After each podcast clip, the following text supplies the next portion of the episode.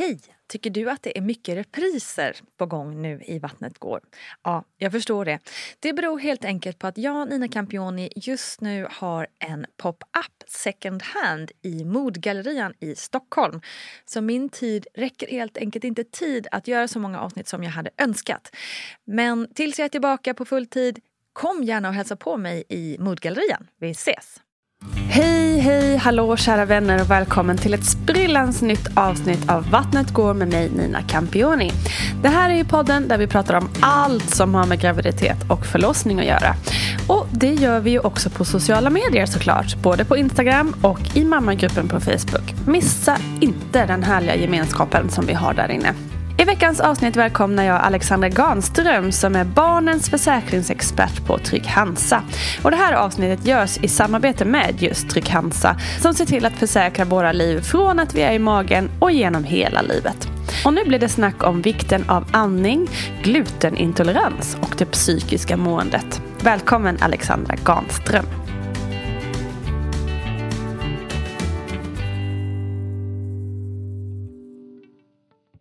Du har en 16-åring hemma. Ja, tänk vad snabbt Ja. det har gått. Overkligt. Ja, det är faktiskt overkligt. Att de har varit så där små och du vet, spädbarn, bebisar. Ja. Jättesvårt att förstå när de är 1,80 lång och muskulös. Hur? Vi kommer prata mer om eh, tonåringar och eh, bonusbarn med dig eh, i eh, liksom, familjesnacket i, lite längre fram här i poddserien. Så nu skippar vi det for now. Yes.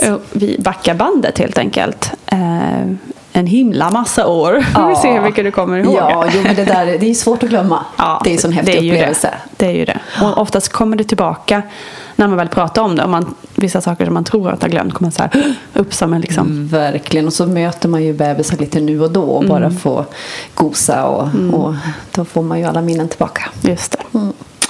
Men du. Eh, hur, ja, 16, nästan 17 år sedan då. Hur, hur, planerar, hur planerar du för familj på den tiden? Liksom? Nej men då var jag redo, Mm. för det var verkligen så. Eh, jag och, Alvins pappa hade varit tillsammans eh, rätt länge eh, vid den tiden och kände väl, och jag var ju 30 plus när jag fick Alvin. Mm. Så då kände vi att nu, nu är det dags. Och då gick det så väldigt smidigt förstår du. det gick verkligen på en gång. Ja, Ja. det gjorde det. Så på, på, för det vet vi, det är ju inte självklart. Nej, Eh, men eh, för oss var det så. Jag hade hållit på med idrott på ganska hög nivå. Jag hade spelat innebandy i elitserien bland annat. Och, och kände väl att nu var det dags att tagga ner. Och då passade det väldigt bra in i vårt liv. Hur var det då liksom att vara så idrottande kvinna och sen liksom gå in i en graviditet där man kanske inte kan utöva sport på samma hårda, i samma hårda tempo liksom? Mm. Och det har jag ju verkligen fått lära mig. För att, eh, och så är jag lite fortfarande också. Jag tror att det ska gå att köra på samma Ja. nivå. Men det gäller ju att anpassa sig. Och där finns det ju också alltså, bra tips man kan få från de som verkligen kan. Eh, men jag kunde röra på mig väldigt bra ändå. Men det är klart att jag taggade ner. Eh, det gjorde jag och jag körde ju inte alls på den nivån. Men, men kände ändå, jag hade ju vikten med mig av att röra på sig. Vilket jag kände var väldigt skönt. Just det. Hur mådde du då din graviditet? Nej, men jag mådde bra tills att jag inte fick behålla någon mat längre. Ah. Ah, så att det var, och då, då blir man så här, men gud vad konstigt. Så att då gick jag ju faktiskt till ja, både barnmorskan och läkaren. Och då visade det sig att jag hade celiaki, alltså glutenintolerans eller glutenallergi. Eh, och anledningen till att de misstänkte det på en gång var att min mamma har det och vi har det i Mm. släkten. Så att då tog de blodprov och då visade det sig det. Så När började, när började det här? Liksom? Ja, det var efter några månader. Okej. Eh, och det är ju, alltså det var efter, eh, ja men säg, tre, fyra månader någonting sånt. När man Eh, liksom egentligen så slutar må illa? eh, Exakt, då majoriteten i ja, alla fick fall. Mm. jag inte behålla någon mat egentligen. Så då, men det var ju en enkel åtgärd. Det var att sluta äta gluten och Mm. Ja. då började jag må bra igen. Okej. Och efter det så mm, mådde jag bra Mm. hela graviditeten. Inte några stora smärtbesvär eller sådär. Eller bra, jag menar, alltså utifrån, utifrån det blev ju tungt och, Mm, och så. Men jag, jag upplevde det som, som ändå att jag mådde bra. Men intressant det här med gluten. Var det liksom någonting då som kickades igång av graviditeten? De säger ju det, Mm. att just graviditet kan ju göra det att saker blommar upp. Mm, och för min del var det ju det. Och sen så när man tänker tillbaka så, så ja men det var nog kanske inte superbra i min mage innan heller. Men då blev det så påtag, Just påtagligt då.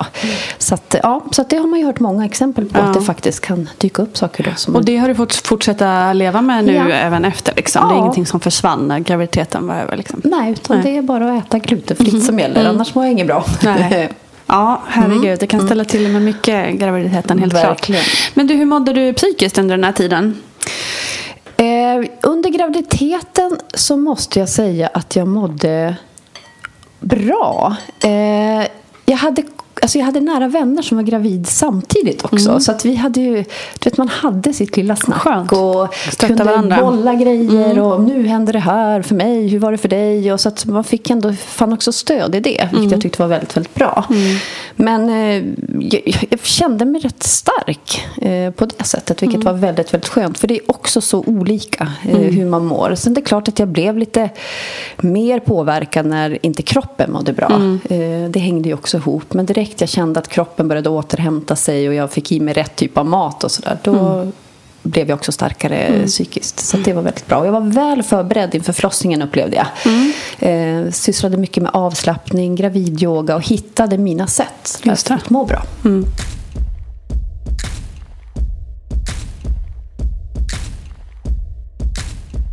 Men du, jobbade du på Trygg-Hansa under den här tiden? Nej, men jag gjorde inte det. Eh, Jag hade pluggat till personalvetare eh, och fick jobb på eh, våra myndigheter har jag jobbat förstår du, Försäkringskassan. Så tyckte jag ändå att ja, men då var du ändå lite in the business på något vis. Ja, men du, bara det här med, med föräldrapenning och Ja. sånt var ju så jädra skönt att få ha koll på inside information. Just det, för det är ju inte det lättaste. Nej, det är ju också en djungel. Ja. Så att, nej, inte på Trygg-Hansa Nej, då. men visste du ändå att det var viktigt med en graviditetsförsäkring? Det var det jag hörde. Vi hade en gravidförsäkring. Mm.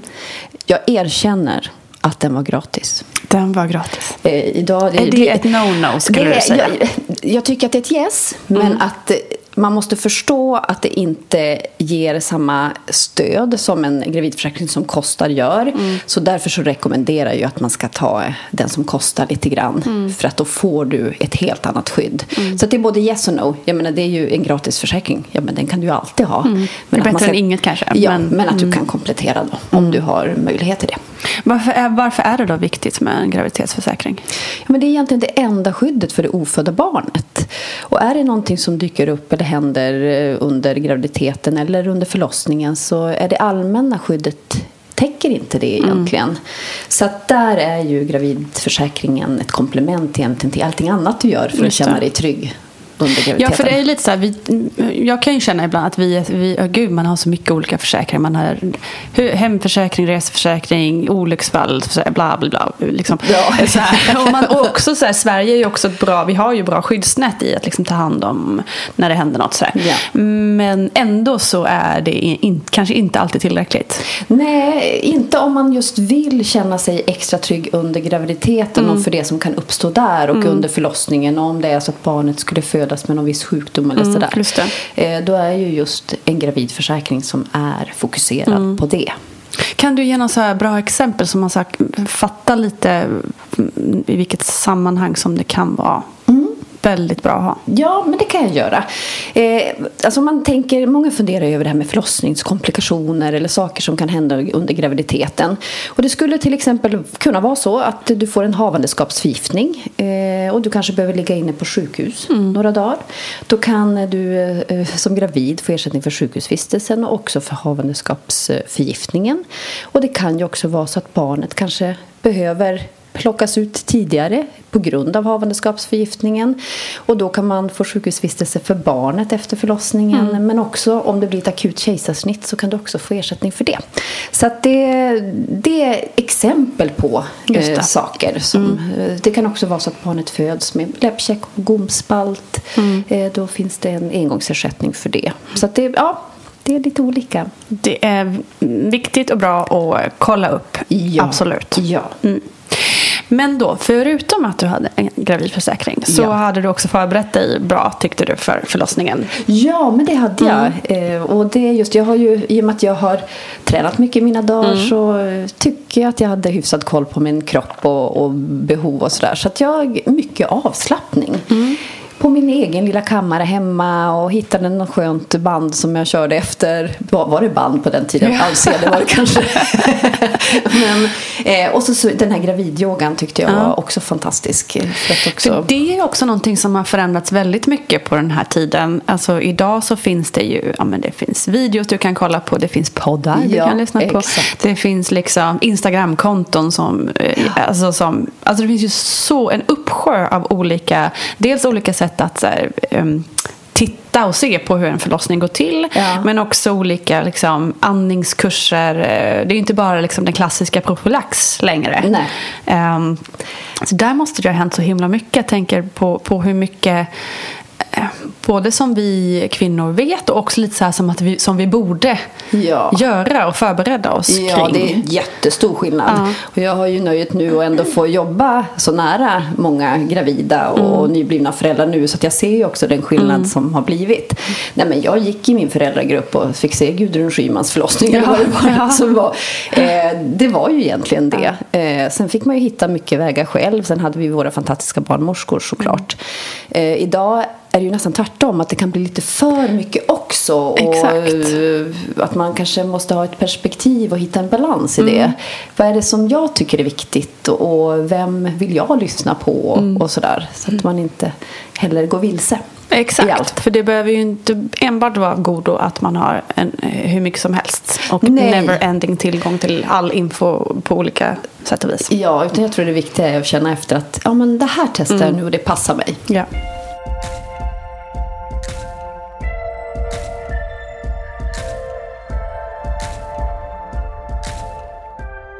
Men du, ska vi hoppa till... Du sa att han snart skulle fylla 16 här, så det var ju på, i mars kanske? Ja, det var mars. 20 mars. 20 mars. Ja. Ska vi hoppa dit då? Ja, det kan vi göra Mm. till förlossningen. Åh shit, vilken cool grej alltså. eh, nej men det tog tid. Mm. Det tog väldigt lång tid. Det var sådär att eh, vet, och det är ju någonting vad osäker man är. Så här, när ska man åka in och inte? Mm. Och när är det tillräckligt med verkar och inte? Och få rådet, ja men lägg dig i badkaret och ta en Alvedon. Det var ju så här, men nej. Nej. ska jag inte få komma snart? Nej men så att vi, vi åkte in och det tog tid och vi fick faktiskt åka hem igen. För att verkarna slutade lite grann att göra sin, göra nytta. Och så sen så fick vi komma tillbaka eh, igen efter ett tag. Det jag tyckte var speciellt då, det var att det var något väldigt ruschigt där på förlossningen. Jaha. Så att, eh, Redan då? Ja, så att vi var väldigt mycket själv. Och det gick ju bra ändå. Men jag kan tänka mig att eh, då var ju vi 30 plus båda två och hade väl kanske också viss erfarenhet av livet eller vad man ska säga. Men, Men yngre- ändå, ni hade ju inte varit med om en förlossning Nej, det hade innan vi liksom. inte. Nej, det hade vi inte. Men, eh, men, eh, så det var väl någonting som jag tänkte på och reflekterade över då. Att, eh, att eh, här, man, man ligger mycket själv. Man är själv. Samtidigt som när de väl kommer in så är de ju jättestöttande och bra. Såklart. kände att det läskigt eh, att vara lämnad ensam. Eh, vi, nej men jag, jag tyckte att jag kände mig ändå trygg för jag visste ju att de var där. Så för min del så var det okej. Det var ju när det mer började på allvar och började göra mer ont och så. Då ville man ju ha dem där mer förstås. Just det.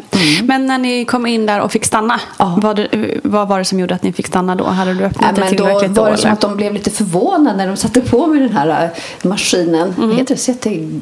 CTG-kollen. Ja, kollen. precis. så länge sedan var det som Kollen är kanske inte så korrekt uttryck. Men... så var det lite så här att nej men du har ju verkar. Jag bara ja, alltså jag är inte en sån som kanske heller, jag går ganska mycket in i mig själv eh, när jag behöver fokusera. Eh, så det var väl det att de konstaterade det att ah, du har ju verkar och så sen så får vi hoppas att de gör det jobb som de ska göra. Och det gjorde de ju till slut. Mm. Men eh, och du sa att det ändå tog lång tid. Var, var ni länge där inne innan det Mm. Ja, men om man säger, det tog nog ett, drygt ett dygn innan, eh, alltså från det att vi åkte in första gången till att eh, Albin var ute. Mm. Och hur var det då liksom, när ni var på plats och verkarna? Var de, alltså, hur tänkte du med smärtstillande och sådär? När det, jag, eh, jag fick lustgas. Det var det jag fick. Var det vad du Eh, hade tänkt dig också? Eller? Jag hade... Nu kommer ju min, min sån här, ja, ja, det löser sig mentaliteten fram här. Nej, men jag hade såklart tänkt igenom det och jag eh, kände nog att så länge jag orkar så ska jag försöka eh, klara mig utan. Eh, men lustgas kom ganska ändå, alltså det tyckte jag var, var bra att det kom när det kom.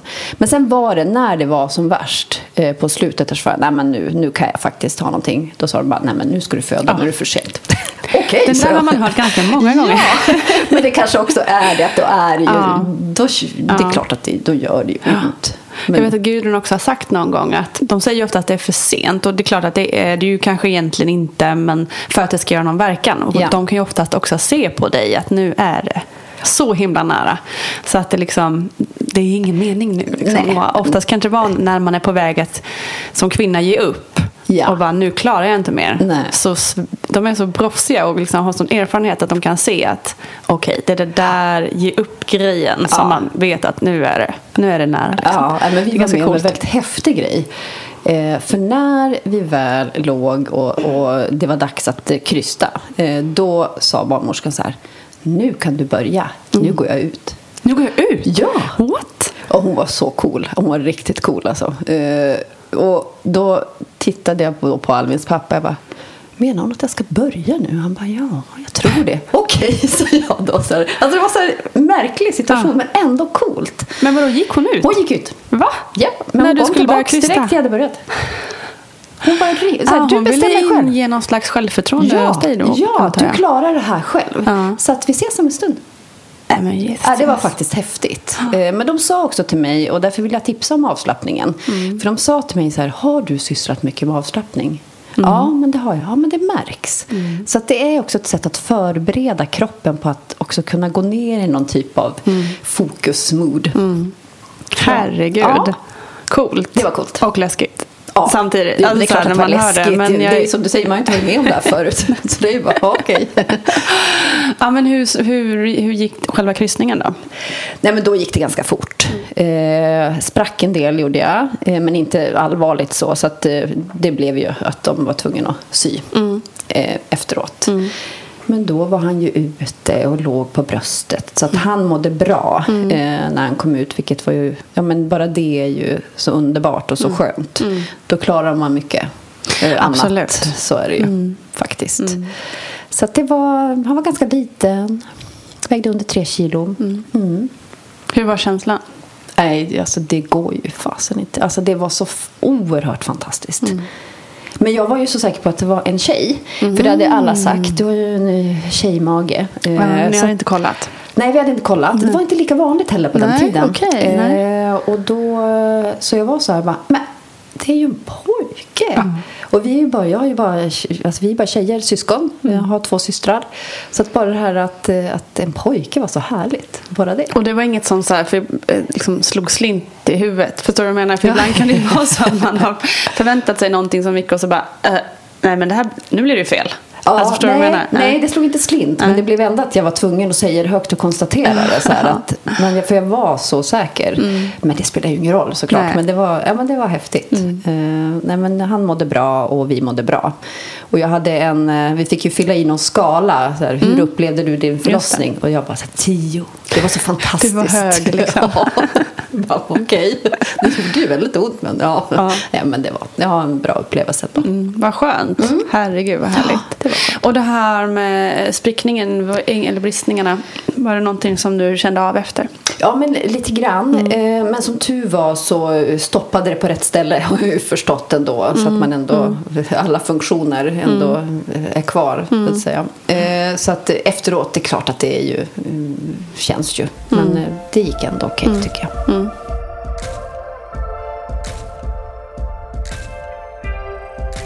Ja, vad härligt. Mm. Wow, det låter ju som att du ändå fick det här eh, instant love som många av oss liksom drömmer om när man ska möta sitt barn för första Ja, gången. ja. Som inte all, långt ifrån alla känner. Ja, och det ändå. har jag full alltså det är respekt för och jag vet att det är så också. Jag har ju många vänner som också har, har varit med om när det har varit betydligt tuffare. Eh, Så absolut, jag är bara lyckligt lottad och glad att, det, att det gick så bra. Höll det i sig också? Mådde du bra liksom efteråt? Ja, jag mådde bra. Alltså det, det här första att man bara grina när de skulle ta massa prover och grejer och puktest och allt. Det var ju fruktansvärt. De skulle inte skada mitt barn på det sättet. det, exakt. Det, där, det har vi knappt pratat om i podden men det kom- minns jag också som fr- framförallt den första gången då när man inte fattade vad Ja, som skulle hända. Att man var men gud, så lägger den här lilla, lilla, lilla plutten Mm. liksom på en brits helt själv. Alltså så här, och ta massa test och ta blod och bara ah, Ja, och när är det, illa speciellt när det, inte, ja, när det inte gick. Så var tvungna, nej det går inte här. Så när man stuckit så fem gånger, vi måste ta i foten. Och, Åh, ja, det, och då gulle. storlipa ju Ja, såklart. Sen så föddes jag med höften ur led. Eh, Mm. och, så de var ju extra noga och kollade det också på Alvin. Och det ganska hårdhänt Mm. test. Och det kollar de ju på alla barn men, men lite extra sådär. Mm. Så det var lite sådana små grejer. Men annars så eh, amningen kom igång. Jag fick ha några snäckor på bröstvårtorna kommer Mm. jag ihåg. Det var också kanske för 16 år sedan. Jag vet inte hur de gör nu. Eh, men han eh, grät ingenting. Eh, du vet, Grattis. Ja, det, det tänker man ju man ju, ja. Men då var det så här. Ja, just det, alla barn gråter. De går runt och bär sina barn Ja. i korridorerna. Alvin bara sover och är nöjd. Och, och han hade gulsot. Så han behövde inte sola men han, behövde, han var lite kall och behövde ligga på sin värmebädd och sådär. Men han var, han var väldigt nöjd. Så var han nöjd i tre månader. Sen, Okej, sen händer något. sen började det. Och fyllas på med mat och allt vad det var som skulle vara. Och då blev jag trött. Ja. Mm. Så att, eh, första tiden var bra men eh, sen så grät jag mycket vid tre månader, han var tre månader ungefär. För jag skulle ju spela golf också hade jag ju tänkt. Ja, ja, så vi ja. gick ju runt med Visst. barnvagnen på golfbanan och ja, grä- grät på hål 10 och tänkte varför gör jag det här? så att det är inte alltid smart men jag lugnade ner mig sen. Ja, men herregud, många som känner igen sig. Kanske inte just håll 10, men Nej. ändå det här att man ska göra saker bara. Man bara ska göra det. Mm, precis. Och man fattar kanske inte riktigt varför, men Nej, men eh, man lär sig någonting på det hoppas jag också.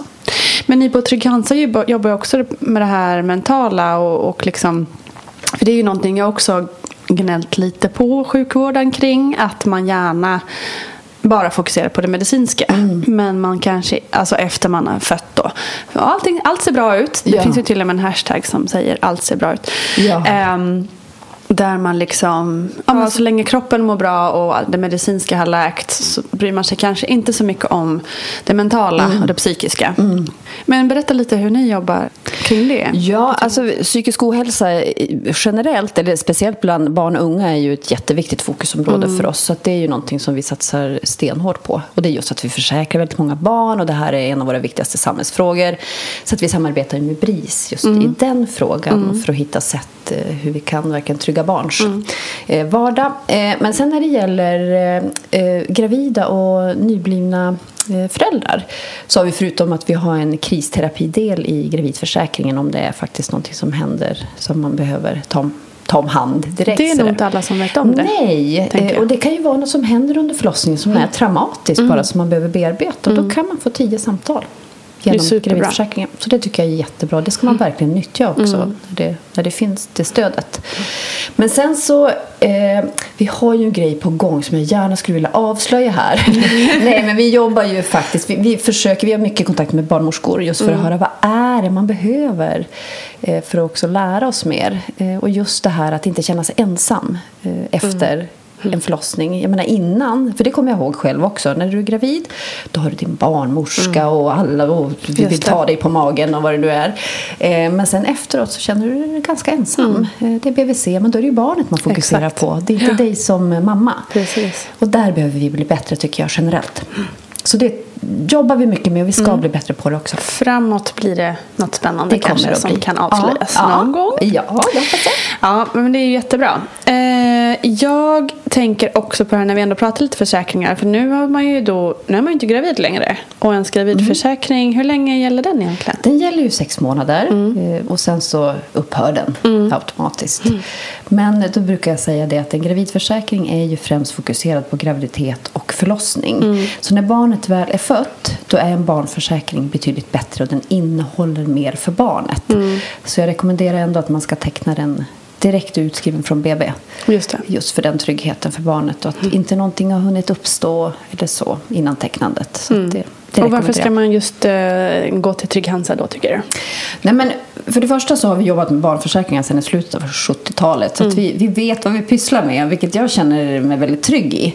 Så att både kopplat till ja, men de villkor vi har och vilka behov som finns där ute men även en, en trygg skadereglering som vi har jobbat med väldigt, väldigt länge. Så att det är ju en jätteviktig del. Eh, och våra villkor, jag menar, villkoren ser ganska lika ut på försäkringsbolagen nu. Eh, och det ska man vara medveten om. Eh, och, så det är ju någonting vi jobbar med. Men vi har ju en service förstår du.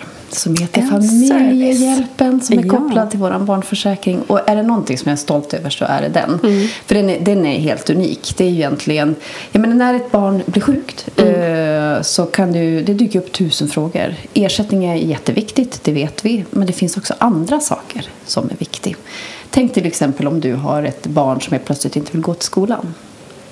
Det är viktigt med pengar men pengarna får inte barnet tillbaka till skolan. Och då familjehjälpen, det de kan hjälpa till med det är egentligen ge en vägledning kring samhällets stöd och funktioner. Och vilka ersättningar har jag rätt till? Vilket stöd har jag rätt till i skolan till exempel? Vilka, vad, vad kan jag kräva? Gud, vad bra. Ja, det är faktiskt riktigt bra. Eh, Så vi har ju hjälpt tusentals familjer just att komma vidare för att kunna stötta sina barn.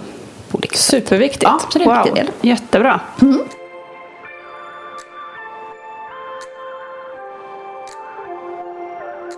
Eh, förutom då liksom att, att ni har så otroligt bra service, varför är det viktigt med en barnförsäkring egentligen? Ja, men det är lite olika delar. Det ena är ju att om vi tittar på det skydd som finns i samhället. Eh, det är bra och det är ju ändå, jag menar barn får ju den vård som behövs till exempel. Men, men om man ser skyddet i skolan och förskolan det gäller ju oftast bara när barnet är där och det är oftast bara olycksfall. Så just att få en försäkring som täcker både sjukdom och olycksfall och dygnet runt. Och där gör ju en barnförsäkring då en skillnad och ett komplement till samhällets stöd. Men sen egentligen två delar kan man säga. Det ena är just den ekonomiska delen för familjen om ett barn blir sjukt eller drabbas av ett, ett allvarligt olycksfall. Då kan det vara svårt att få ekonomin att gå ihop och då kan en barnförsäkring göra en jättestor skillnad där.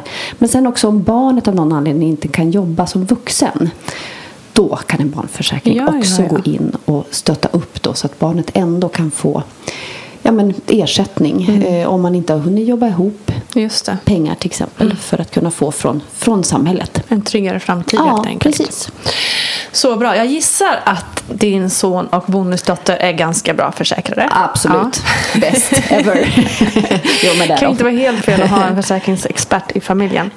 16 år som sagt har han hunnit bli.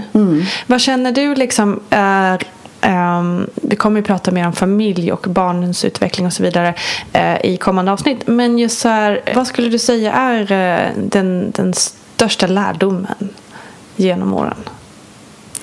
Den största lärdomen. En väldigt eh, enkel och liten Ja, fråga. det var väldigt enkel och liten. Nej, men jag... Eh, om jag säger så här. Eh, när det gäller mitt barn och min, min bonusdotter så tänker jag att eh, det viktiga är ju någonstans att de mår bra eh, och att de törs göra saker och törs utmana sig. Eh, så att man ändå har balans. För vi är ju oroliga som föräldrar. Eh, och det är klart att jag har varit säkert överdrivet orolig ibland. Men att man hittar sin egen balans och använder sig av sina egna värderingar någonstans också när man ska försöka att uppfostra sina barn. eh, Och föregå med gott exempel. Jag vet inte om det är en lärdom, men någonstans är det det jag, jag tänker i min uppfostran ändå någonstans att, Att barn gör som vuxna gör. Ja, men liksom. så är det ju. Eh, men att, eh, och för mig har det också varit så här att det är klart att det är viktigt att prestera. Ja, det är det. Men det är ändå viktigare att du är en bra människa med bra värderingar och att du bryr dig om andra. Så det är någonting som jag har försökt ändå. Och ni duger ändå som ni är, vilket Exakt. jag eh, tycker är viktigt. Har du någonting från graviditeten och förlossningen som du känner att du vill eh, liksom, eh, tipsa om eller mm, som man ska tänka på om man själv lyssnar och är gravid kanske? Ja, men jag tycker att man aldrig ska vara rädd att söka stöd och hjälp om man behöver. Oavsett om det är en fysisk åkomma som det var för mig och magen eller om det är att, att man känner att man jag mår inte bra psykiskt. Mm. Så ta den hjälpen för den finns också att få och våga flagga för det.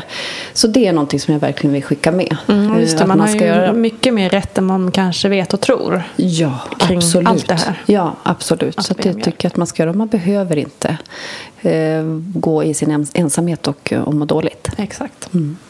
Grymt. Tack så mycket. Bra, tack. Tusen tack Alexandra Ganström, barnens försäkringsexpert hos Trygg Hansa som ger dig och dina barn en säker start på livet och som finns där livet igenom för en tryggare vardag. Läs mer på trygghansa.se. Stort tack kära lyssnare för att du tog dig tid att hänga med oss denna stund. Vi hörs snart igen. Kram!